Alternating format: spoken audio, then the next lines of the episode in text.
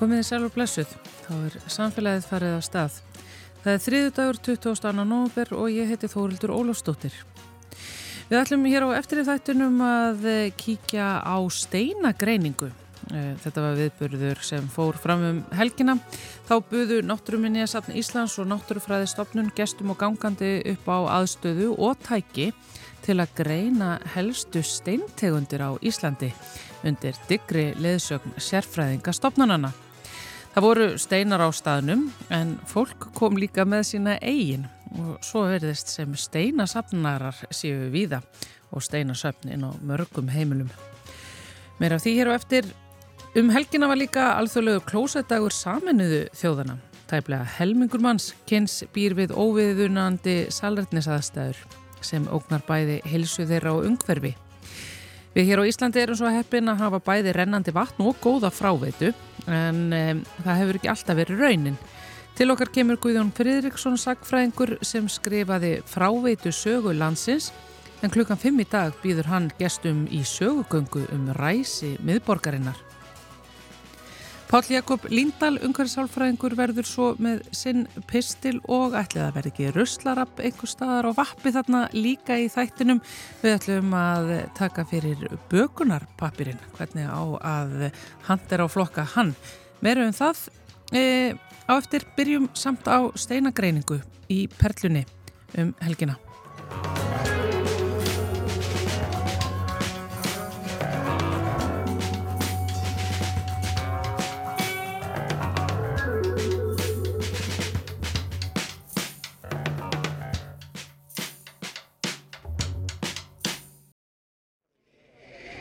Er ég komin hér í Perluna.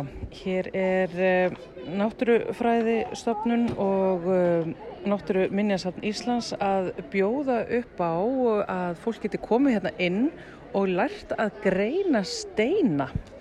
Um, bæði leggja þau til steina sem að fólk getur eftir sig á að finna hvað heita. Svo getur líka fólk komið hérna með sín eigin steinasöfn og um, það er nú þegar töluverður hópur komin hérna búin að setjast hérna niður við borð. Hér eru leiðbynningabæklingar og steinabækur og alls konar verkefni til þess að nota til þess að skoða. Allir að grúa sig yfir grjót og steina afskaplega fallega. Við ætlum að fá að fylgjast með hér hvernig e, þetta allt saman fer fram. Og e, ræða kannski við einhverja af þeim sem eru hér að leiðbeina. Snæbjörn Guðmundsson, jærfræðingur, þú ert að leiðbeina fólki hérna. Eh, sko, hvað er þetta við steina? Þetta er þetta það sem við höfum allir kringum okkur, göngum á og vinnum með og bara öll okkar siðmenning byggir á, á þessu og þetta er hérna náttúrinni kringum okkur, þetta er bara mjög heillandi. Sko þið eru að bjóða fólki að koma hérna til þess að svona læra að greina steinana sína. Þið eru náttúrulega náttúrufræðistofnun skaffa steina en svo er fólk líka að koma með sína eigin. Já, við hérna, það eru þetta, ef fólk færast á landið og bara hvað sem það er, þá eru þessi steinar alltaf í, í kringum okkur og þeir eru heillandi og fólk vil vita að hérna, okkur þýstir í fróðleik um það sem er í kringum okkur. Þannig að það er uh, svo ánægilegt að fá fólk sem hefur áhuga á steinu og, mm. og hérna, vil fá að vita meira um það sem það hefur í höndunum, hefur satnað. En er steinagreining flókir? Það hljómar það, gljái, harka, veist, alls konar svona íblöndunar efni og sumtu bráðuna saman og sumtu með steindum í og þetta er, já, þetta hljómar flóki sko. Já sko já, maður kannski sest ekki niður og, og greinir hérna í, í ístu til ístu, ístu æsar sko hvern einasta móla. Og mikið af þessu erunni þannig að til þess að fá fulla vissu um það sem veist með í höndun og það þýrstur henni efnagreiningu já. eða röngangreiningu á steinunum sko. En uh, þú, það ferðist ekki með efnagreiningatæki í, í bílnum eða í bakboku upp á fjöllum sko. Þannig að það sem við viljum gera og geta gert er að, að taka steinana og, og horfa á það til þess að hafa einhverja tilfinningu fyrir þeim og, og því um leið og við vitum eða höfum einhverja hugmyndum hvað við erum að horfa á þá segir það eitthvað svo margt um, um bara jörðsöðuna í kringum okkur og umhverfið og hvaða efnir út í staðar og hvaða ferli hafa verið í gangi og, og, og já, þannig að þetta er hérna, við erum að læra svo mikið á náttúruna og, og auka möguleika okkar á skiljana. Hver steinni með sögu? Já, sjálfsög. Uh, Farðaðins yfir bara þessi tæki sem að þið leggir fólki hérna til, uh, svona, hvað er það sem að þið eru að láta? Hérna er einhver tilrunaglös og alls konar einhver svona hjálppotarar og hvað Já, er þetta? Sko, sko fyrsta greiningatæki sem að fólk notar eru þetta augu því að bara horfa og velta fyrir sér og þá er gott að hafa stekkunaglir eða þessu kvöldum lúpu sem er bara svona mjög lítil handtækt stekkunaglir uh, og svo er það fingur reyna að finna hvernig þeir eru eða harðir eða mjúkir eða á viðkoma og, og, og hérna það er þetta að meta ímislegt úr því, það er litur og það er þetta sem við kallaðum gljáa hvernig hérna endur speiklast og endur varpast ljós á steinunum en svo er gott að hafa svona já, hörku sett það er hérna það er hérna uh, tól sem að geta sagt okkur til um hversu hörð steinin er eða steinin og því að þeir eru mjög mishardir bara frá náttúrun hendi. Og svo ég takk í dæmi af, tveimur svona algengustu kristöllum hérna á Íslandi þá erum við með kvars og kalsít. Kvars er miklu harðara en kalsít. En þá er strax að reyna að greina þar á milli þeir eru mjög líkir oft í, í útliti sko. hvítir í lit og, eða glærir og svona en ef þú ert með eitthvað, eitthvað tæki sem getur greint alltaf milli það getur jafnvel bara verið lítil, lítil glerpata eða, eða hérna eitthvað játn til að hérna aðeins að rispa í steinin og þá getur við séð hvort að hann rispast eða hvort það rispast ekki og svo erum við með erum við með já, hvað erum við með fleira hérna? Sýra náttúrulega Já, við erum með reyndar svona áhugavert hérna, greiningatæki er, er ör lítill drópi af, af mjög þyndri saltsýru sem auðvitað er ekki með hérna fullan styrkleika, bara mjög þynda en hún, eitt drópa henni getur sagt okkur hvort við erum, erum með hvað segja kalsít líka, kalsít freyðir í, í saltsýru. En þetta, þetta er einhver stað að verður maður að byrja sko. og þá er mikilvægt að, að koma og reyna að átta sig á, á, á þessum eigileikum öllum sem að steinarnir hafa. Kannski bara í emitt í hérna félagi við aðra sem að hafa lagt þetta mikið fyrir sér. Og þetta er rosalega mikið reynsla. Já.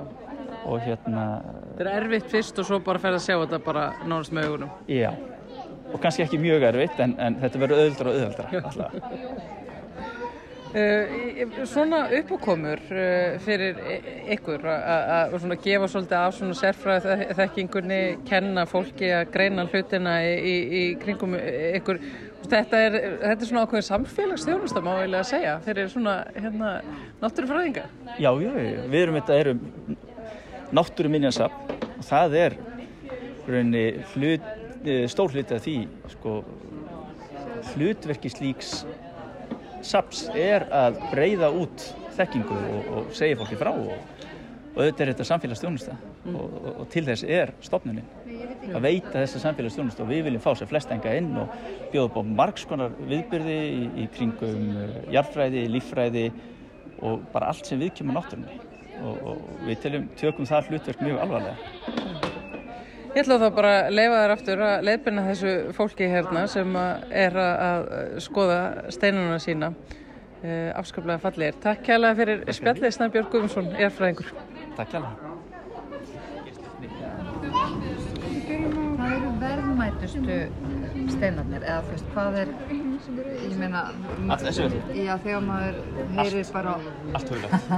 já, eins og ópall og jespis Já, eitthvað svona. sko demantar eru þetta, Já, en demantar hafa ekkert innra verkildi, sko. nei, Allt tilbúningur. Og demantar eru þetta sérstaklega dýri vegna þess að menn fóru bara í auðlýsingamennsku. Og 20, byrjun 20. aldar eða miða 20. aldar. Það sem var bara, ert að fara að trúlaðast, ert að fara að gifta þig, þú verður að köpa demant. Annars er þetta ekki alvöru. það hefði alveg geta bara verið, Og Kalsíum. þetta voru bara demantasölu. Demantasalar gerðu þetta. já, og þá náðu einhvern veginn að, að hérna, planta þessu í hausinu á fólki að demantir var svona rosalega verðmættir en í sjálfu sér hafa þeir ekkert gildi og hefur það ekkert með það að, að segja eins og við þekkjum að sko að þeir séu harðastir eða Ertu að meina innra Já, verkefni? eða svona þú veist já, Það er þetta sölupunktur, já. en ekkert meira það. Nei, það er ekkert meira Ekkert meira það. En ég meina, sko, gull hefur til dæmis eh, sko, praktíst gildi, nota gildi. Dementar hafa það ekki, sko. Ekki þessi fínustu, sko, nema bara sem skrautsjónar. En svo er þetta að nota dementa í yðnaði, sko. Það er yfirleitt ekki dýrustu og fínustu dementarnir, sko. Mér myndi aldrei mala þá til þess að hérna, búi til demantasögu eða, eða steinsögu eða eitthvað sem með demanta húð, sko. En ef að maður er, er ég hérna með fullt af einhverjum svona steinum og ég hef stundum verið að hugsa eins og til dæmis með þennan hérna, hvort ég ætti að búa til eitthvað, eitthvað svona, Gekkja, já. já, eitthvað skartgrip úr þessu. Já. Það skiptir bara í rauninni einhver hvað það er. Það er hægt að búa til Já, það já. sem maður vill. En það er auðvitað, sko, hér væri sniðist að skoða hörku Já, þannig að þetta sé hart. sem harðast. Já. Það eru auðvitað það sem að við kallum eðal steina eða gimsteina, það eru hörðustu steindennar en þess að þeir eru, það er ólíklegast að þetta rispist, sko. Já. Gengur með þetta á- þér, ringum með eitthvað og það er ólíklegt að þetta rispist, sko. Já. En er það líka þá eins og jaspis og opall og eitthvað svona er tildöla hart, sko, Já, uh, kvassið. já En svo ég er það já. Mér finnst alveg af hverju ekki að gera skarkupp úr kalsíti sem að bara rispast eftir því sem það er eldist. Já, já. Veðrast með manni. Já, veðrast. Já, Hvað er að því? Það er fallið. Það er kannski erfitt að gera það úr allra mikstu steindunum, það myndir bara molna í... Þetta, þetta með þessi vikusteitt sem hún er fallega gullinn en það myndi bara eðast um leið. Já, kannski sant. Bóra í gegn og búið til já, akkurat. hálsmenn. Það er nú kannski fjörun við líka við þetta sko að hérna við þessa steina sem að ég held að fólk hugsa um að setja um þessi á börnum sko þau bara það sem að við myndum hérna sem fullorðin finnast bara óskup venlu steinar sko. þeim finnst sund bara eitthvað rúslega sérstætt sko. Ég ætla að segja að þetta sé fínt lagi. Má ég aðeins taka upp fyrir útvarpið? Bara haldið áfram, bara láta þess að ég sé ekki hérna. Og síðan er þessi, hvað er rispar þessi? Á, þetta rispaði sko mikið og nú ertu að gera sexuna best að byrja kannski á fimm og fara síðan upp eða niður Þannig að já. Ég ætla að skrifa þrýr. tveir til þrýr en vissið þú, ef, ef við værum ekki búin að rispa þennan stein þá sæist tvöfald í gegnum hann? Eða þennan. Á ég að sína þér það? Þú ert með alveg einn stein við erum bara búin að rispa hann. En sérðu þegar við horfum í gegn. Hvað sérðu? RBF Já, er hann ekki tvöfaldur stafurinn? Já. Það er bara Silfurberg brýtur ljósið á tvo mismunandi vegu. Þess vegna sjáum við þetta svona. Fyrir ekki, en er Silfuberg ekki svo sjálfgjáður steinn? Má vera að nota hann í að, að svona tilvunastar sem og rispa? En þetta er í rauninni síni annar stað frá. Já, Þannig að já, það er náttúrulega friðað. Við notum ekki sín frá Íslandi. nei, einmitt, já. Nei, nei, nei. Þannig að, einmitt, þe- þetta Silfuberg hér er, Já. þetta er tilvunna Silfuberg. já, já, já, algjörlega. Og þetta er í rauninni allt steinar sem við höfum bara, vitum ekki upprunan endilega, þá getum við notað hann í þessum tilgangi. En þegar við erum með síni og vitum upprunan, þá er náttúrulega miklu meira vísindagildi í þeim. Já, auðvitað. Býtu, mér sýnist eins og þið séu já, með eitthvað ei, ykkar eigin steinasafn, er er það ekki? Komið þið með heimann? Já, mikið rétt. Þetta er, fullt af steinum. Um, við erum alltaf í göngutúrum og þá söfnum við að okkur fullt af steinum. Og hvað er það sem að, hvernig, hvað, hvað ræður því, hvaða stein þið takir með ykkur heim? Mér sýnist nú alls bara eiginlega alla. All, alla steina, alla merkilega steina. þetta er náttúrulega, þetta er náttúrulega litir. samansafna steinum uh, til margra ára, til margra göngutúra. Þannig að það er kannski ekki tekin nema kannski einn eða tveir í hverju göngu en þetta er safnast Ekki einu saman. sko. Já, En já, við, þessi hérna er skemmtilega að sagja, þetta er leir. Ekki stein. sem að mamma setti óvart ofan í steinasafnið. Alltilega, það var um skrítið stein. En ég minna sko, þú veist, það er til dæmis alveg augljóst akkur þið takið þennan. Ég menn hann er alveg, Já, eða þennan, eða bara alla steinina sem við, þú veist, tökum. Þeir eru erum að komast að því núna hérna í greiningunni að þetta væri hvað, annarkvort ópall eða agat. Nei, Líklegast frekar agat. uh, ópall eða Jaspis, Jaspis, ekki já. agat, já. Já, jaspis. Það er bara, það verður bara fyrir valinu alla steinar sem við sjáum sem eru sérkennilegir og skemmtilegir. Mm. Annarkvort lögun, litur eða áferð. Kólur, doppbóttur.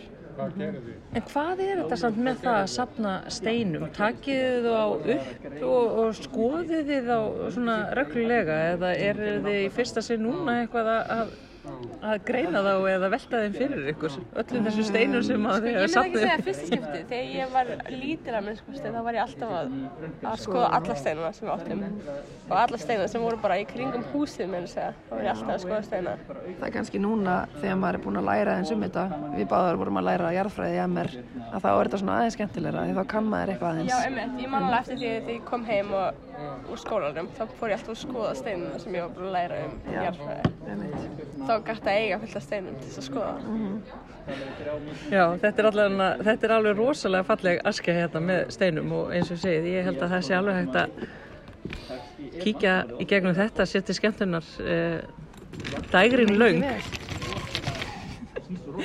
Eri, takk fyrir áfram með ykkur. Takk fyrir. Herri, en þegar þeir eru svona, Þetta er mjög skriðin. Gracias.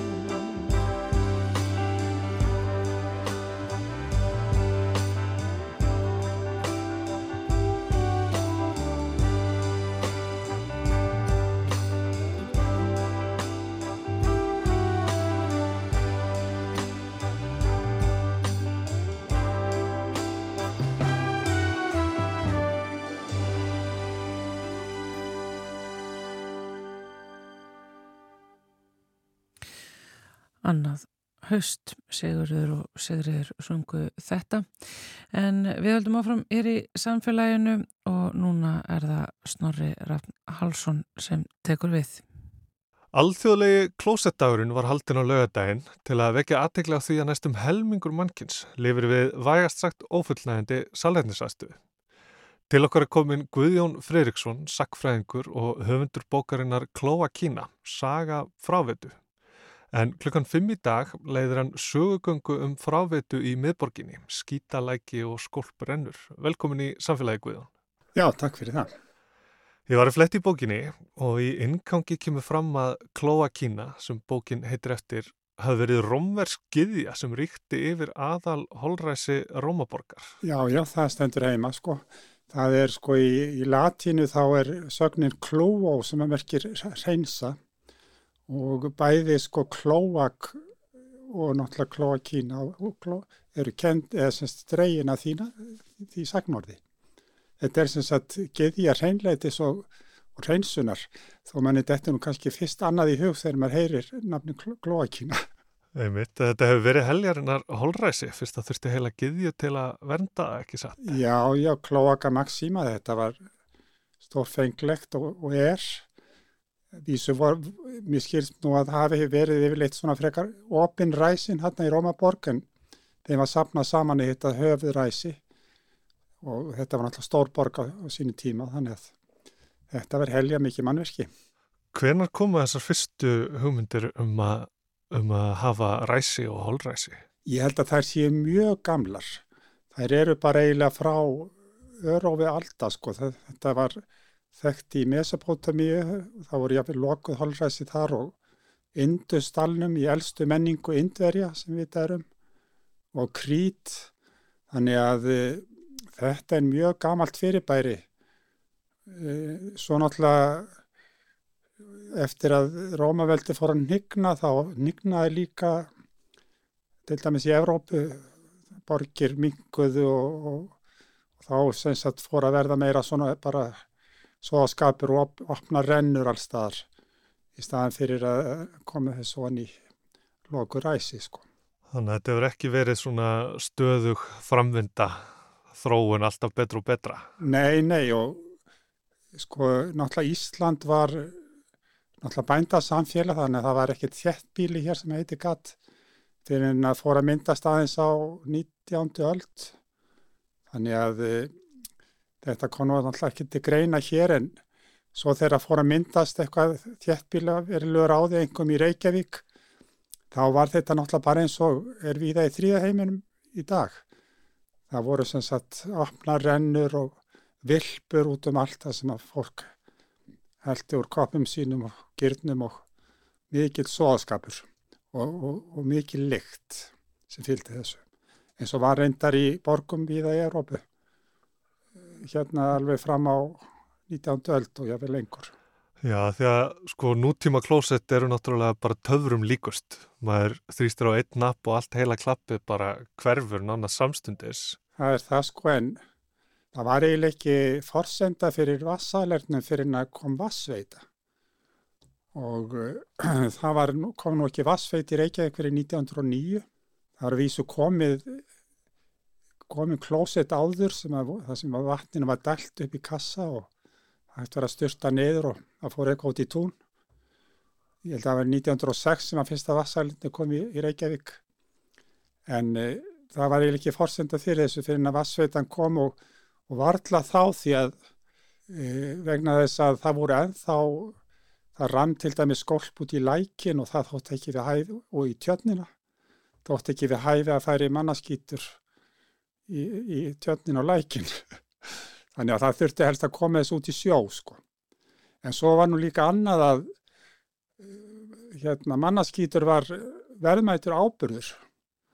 Við notið þetta á tún, er ekki ekkert til dæmis, það var til dæmis borin mannaskýtur á Östuvöll alveg framöndur aldamóti 1900. Og þannig að það var svona ákveðin andstaða gegn því að, hérna, að þetta fer allt út í sjó, þessi verðmætti ábyrður sem var kallað svona besti ábyrðin undir ós. En e, það var mér sig að stopna hér 1904 held ég að verið ábyrðarfélag Reykjavíkur. Það var Tryggvei Gunnarsson, bankastjóri landsbankan sem að stóð fyrir því og þeir tók að sér að tæma úr kömrum og setja í hauga og síðan var þetta nota til ábyrðar. Og Tryggvei var mjög lengi á móti svona nútíma framförum eins og fráveita það sem út í sjó mjög annars út af þessum, þessu. Að því að reykvikingar voru með heilmikinn landbúnað. Við vorum með kýr og hesta og kindur. Þannig að já, við höfum verið svona hluti af þessu vistkerfi sem var í Reykjavík, þessu úrgangur er nýttur, þetta hefur verið heilmikill eðnar bæði þá að koma vatni í húsin og svo fjarlæga þetta einhvern veginn.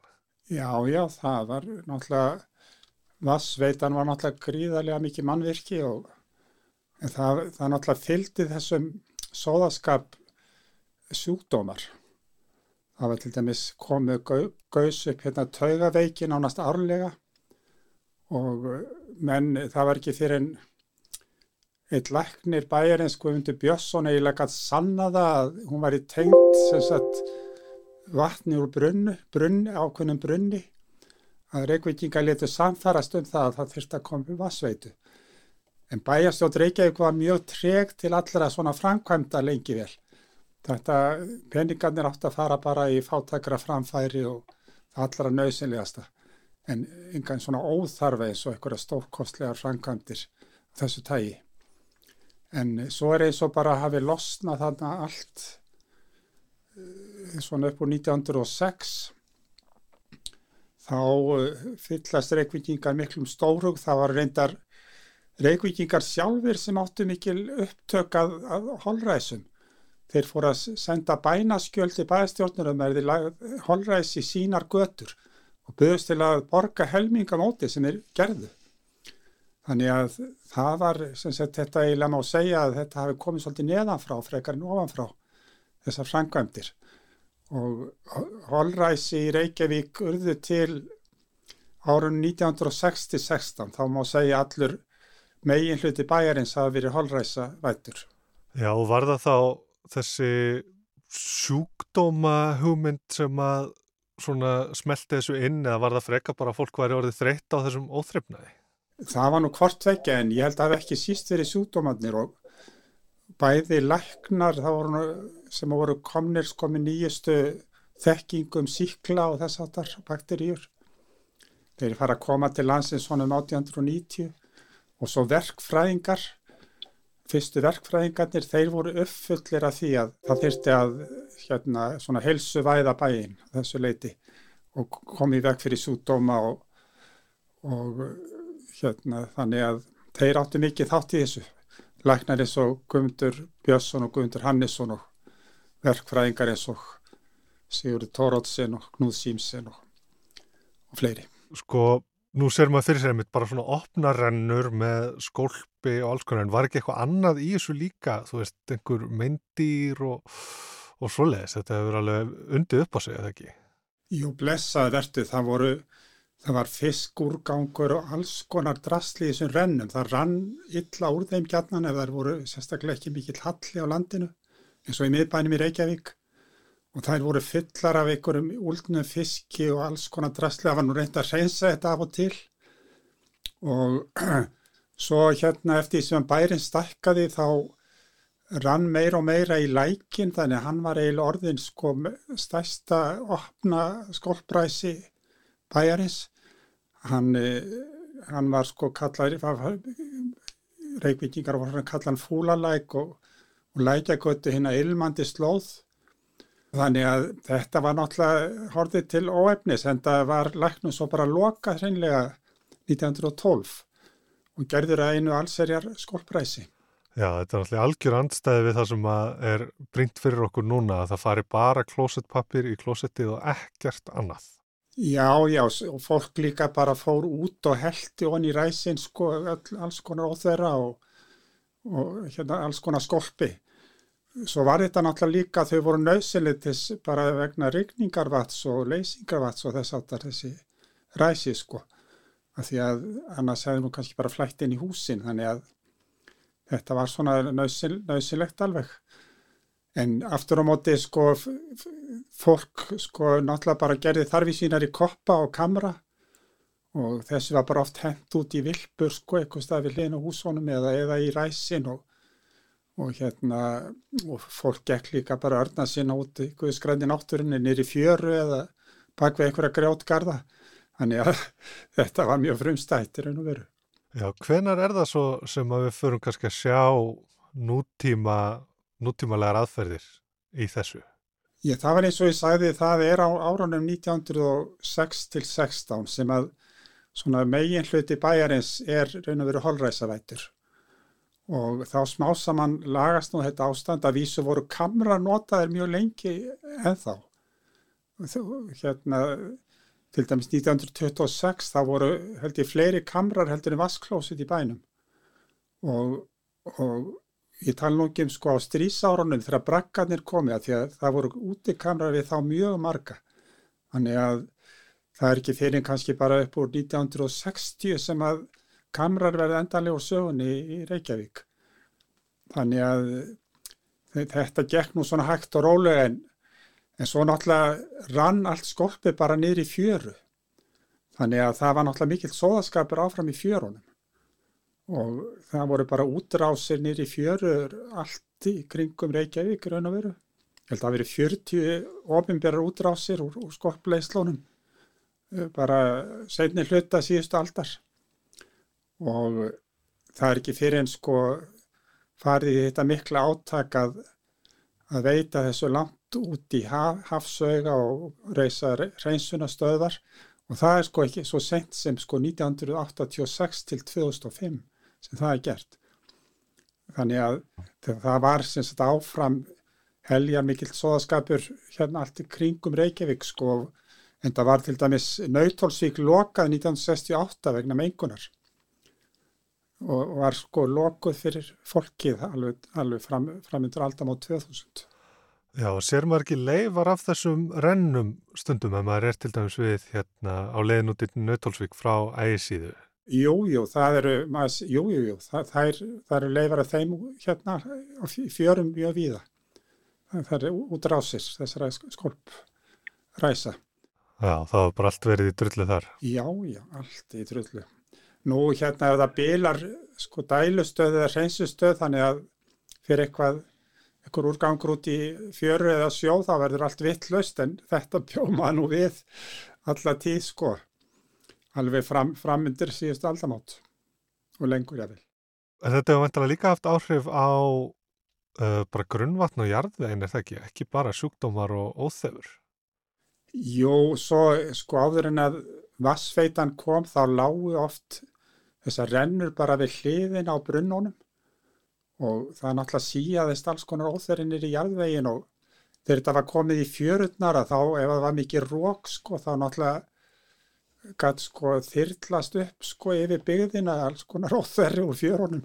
Svo er einlegin á þessu það að það var einn mikli róttugangur í Reykjavík. Hann var alveg reynd óhemju mikill, sérstaklega á fyrri hluta síðust aldar. Það var held í gerð könnun 1920 og eitthvað að það voru róttur í yfir 90% af öllum húsum í Reykjavík. Það var reynd að útrýmnaði með ymsum hætti en gekk ekki neitt. Það er ekki fyrir en eftir stríð að það fengi brest félag til þess að ganga skipula í, í, í það að útrýma róttum að eitthvað fyrir að ganga. Og það er náttúrulega, róttur eru alltaf fylg, fylgja holræsum og þegar þið voru opinn og niður fjörur sko þá voru það nú gætnan þar á kreiki sko en það hefur sjálfsagt mikka mjög mikið eftir að þessar löngu útrásir á haf út komu. Já og nú erum við einmitt búin að taka næsta skref sem er að nú hreinsu við þetta á dælum þessu lengst út. Hver, hver er framtíðin hér á landi? Getur við gert meira, betur? Já, þetta er svo gölluð, við náttúrulega erum háð hér alls konar reglugerðin frá Europasambandinu og og alþjóðlegum samningum sem við gert.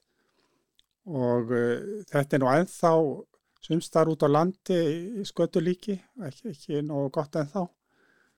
En uh, þetta er svo kvöldið, til dæmis hérna í Reykjavík þetta er svo kvöldið fyrsta stiks reynsun sem að uh, við þurftum að fá undan þá fyrir en það er talið sko að það er nú mjög velst fylst með lífiríkinu þar sem að þetta kemur þetta er svona veitt svona 5-6 km á haf út. Það fylgst mjög vel með lífríkinu þar og sjórin viðist takast að, að reynsa nokkur neginn það sem að, það sem að þarf að reynsa frekar að þessu. Þannig að það er ekki, ekki mikil mengun að þessu en kannski eftir ef að ekst mjög þett bíl hér þá þarf kannski að gera einhverja frekari rástafanir en við náttúrulega erum það heppin að við búum hér út í hafsauga. Þetta er svolítið öðruvísa heldur en í Evrópu það sem er, er hérna, ekki eins miklir hafströymar og þannig að þetta hefur verið talið nægi að hinga til. Akkurat, uh, en kannski að lokum, það er sögu ganga á eftir, getur þú gefið hlustendum smá smjörþef eða jafnvel óþef af því sem farið verður yfir? Já, ég ætla að byrja hérna fyrir Landakóðspítal en þar var fyrsta holræsi lagt niður það sem er nú er ægiskata og niður í sjó frá spítalanum og ég ætla að segja hann ganga niður ægiskötu og sína fólki fyrsta húsi sem var tengt þessu íbúarhúsi sem var tengt þessu holræsi og síðan ætla ég nú bara að segja svona frá hvernig ástandi var og lappa í bæin, í aðarstræti þar sem að fyrsta opna ræsi var en það er það elsta gatan í Reykjavík. Og ganga síðan eftir austustræti það sem að gullrennan var svo kulluð sem að þótti svo dýra, hann var kulluð gullrennan og síðan út í lækjagötu og hérna minnast lækjarins og allt í kringum hann og áttina tjötninu og svo endum við í ráðhúsinu. Já, Guðjón Freiriksson, sakfræðingur, kærar þakkir fyrir komuna. Fyrir þá sem vilja heyra meira, þá er söguganganum frá þetta reykjaðugur núna klukkan 5 og gengi verður frá Landakottsspítala á hotni, Túngötu og Ægiskötu.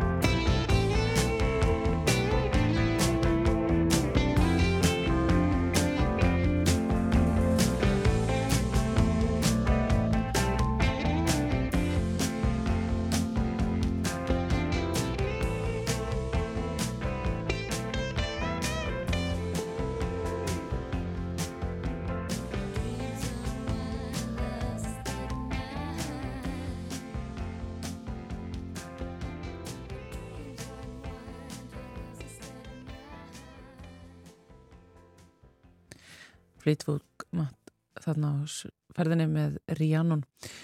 Hér eftir er eh, pistill frá ungur sálfræðingnum Páli Líndal en fyrst skulum við fá eins og eitt ruslarapp.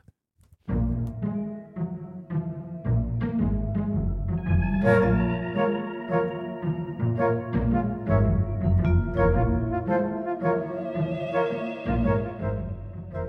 er Eirikur Örd Þorstensson, sérfræðingur í fræðslu og miðlun, mætturinga til okkar í samfélagið í Ruslarappið til þess að svara spurningum um flokkun og úrgang, hvað eigum við að gera við allt þetta dót sem hlæðst upp á heimilinu okkar og í dag er það eitthvað sem að fólk vandraðist mjög gertan með og sérstaklega náttúrulega þegar líður á jólum, það er bökunapappirinn.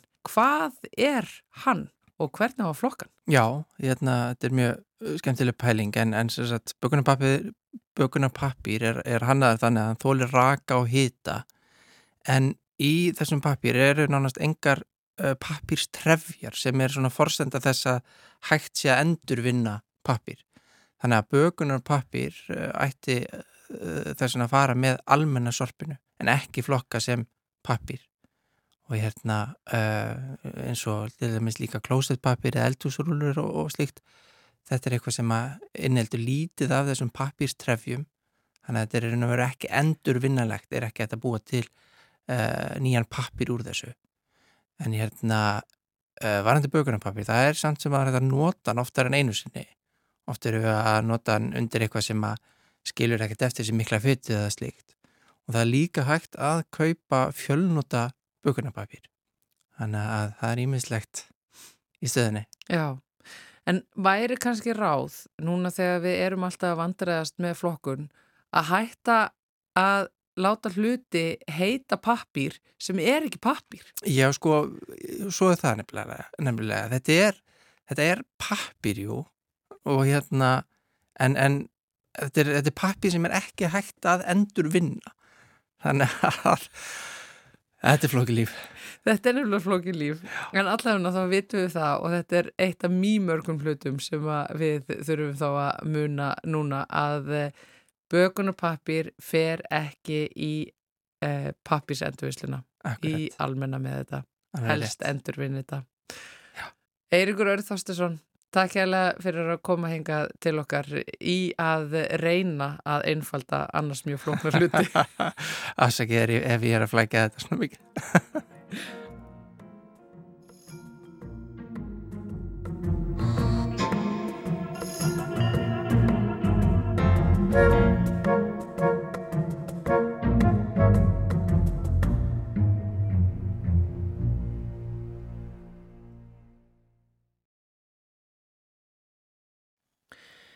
Eitt af því sem hefur reynst okkur mannkininu erfitt er að halda utanum nákama tölu yfir hversu mörg við sem lifum og hrærumst á þessari jörð erum á hverjum tíma.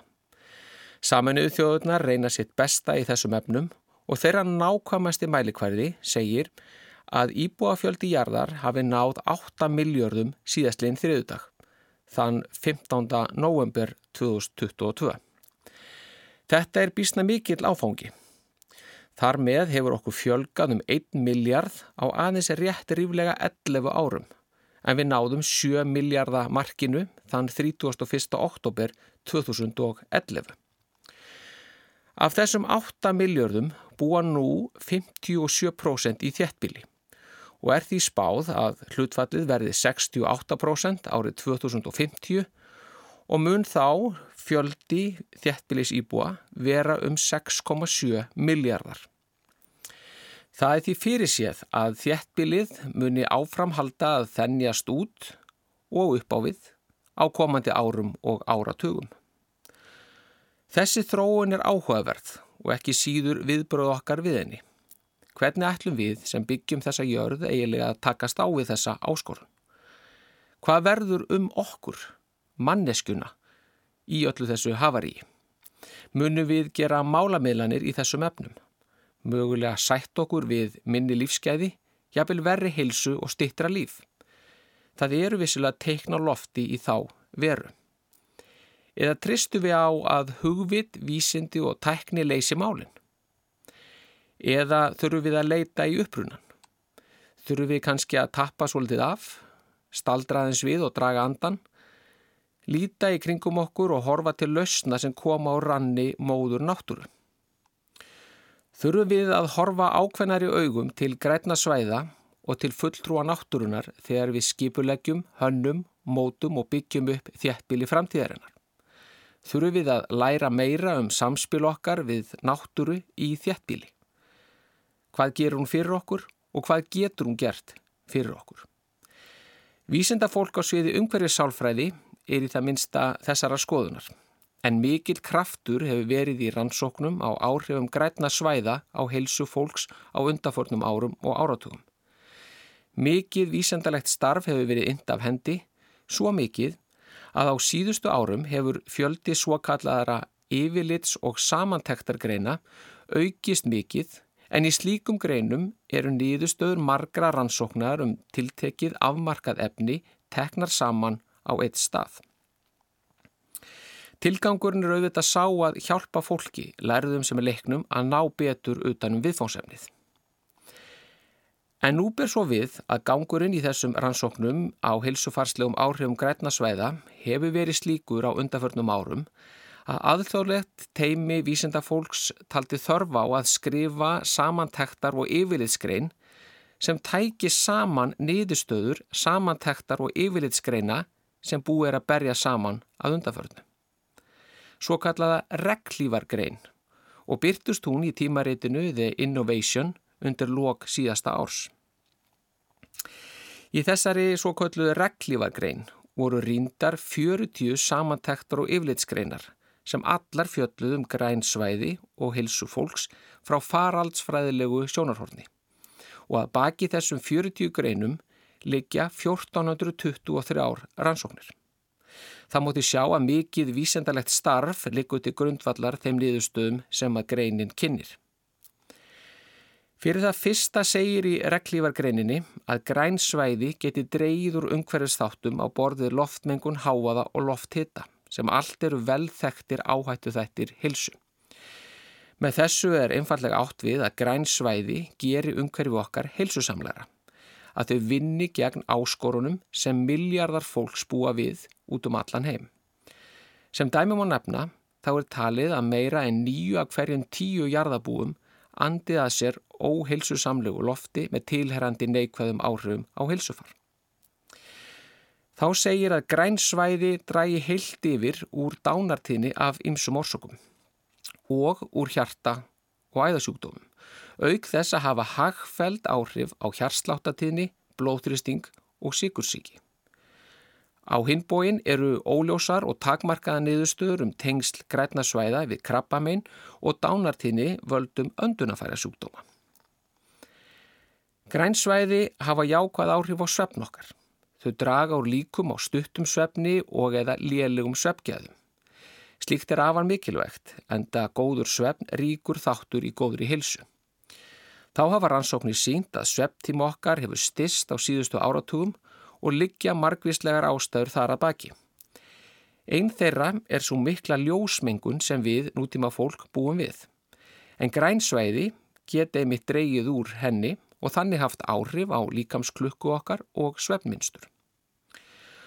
Önnur ástæða er að grænsvæði veit okkur tækifæri til að slaka á, kvíla aðteglina og losum streitu og þannig hjálpaðu okkur við að fást við þann hraða og þau áreiti sem við búum við í okkar daglega lífi og kræfjast aðteglu okkar. Og það, það hefur jákvæð áhrif á söfnin. Jákvæð áhrif grænasvæða á andlega hilsu og andlega velíðan eru velþægt og velskráð.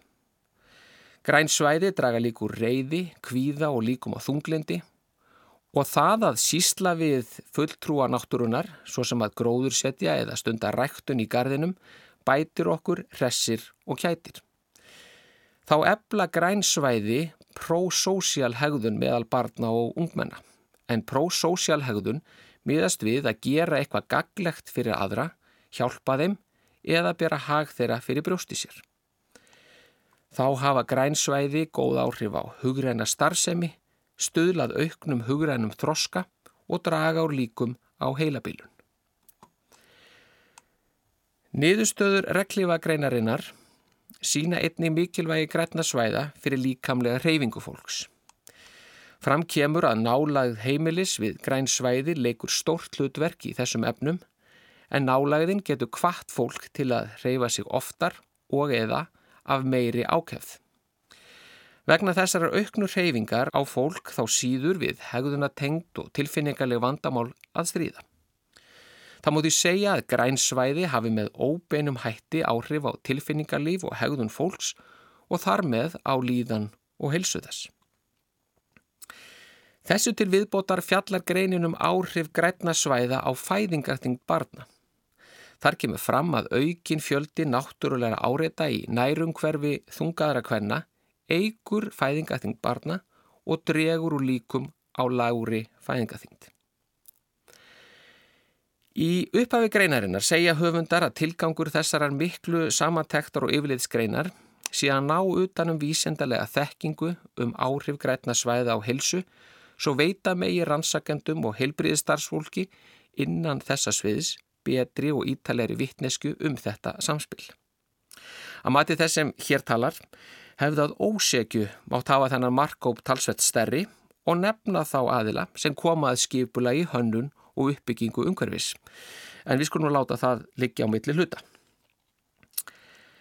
En fremur láta höfundar þess getið að ótal spurningum sé enn ósvarað og hvetja þeir til frekari landvinninga í þessum efnum.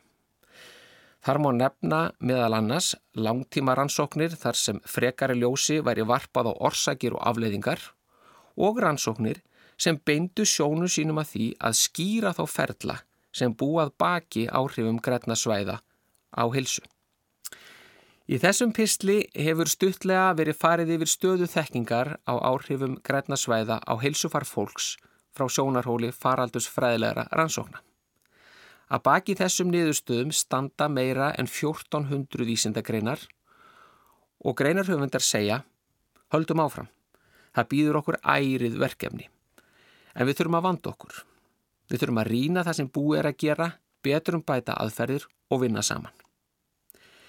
Við erum með öðrum orðum bara rétt farin að dífa tánum ofan í þessi merkilegu tengslokkar við græn svæði en þrátt fyrir það eru komnar mjög sterkar vísbendingar um að grænsvæði eiga skipa virðulegri sess en að vera bara framtíðar byggingarland eða afgangstærð í uppbyggingaverkefnum innan þjættbilis en því hlutverki virðast þau gegna allt of oft.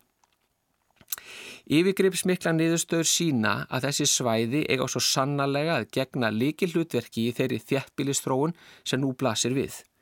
Við eigum að bera virðingu fyrir grænum svæðum sé okkur andum heilsu og velferð okkar og samfélagsins í heilsinni. Takk fyrir í dag. Sagði Pál Líndal, umhvers sálfræðingur. Og með písla hans er eh, samfélaginu lokið í dag. Við komum aftur hér á sama tíma á morgun og segjum þanga til. Verðið sæl.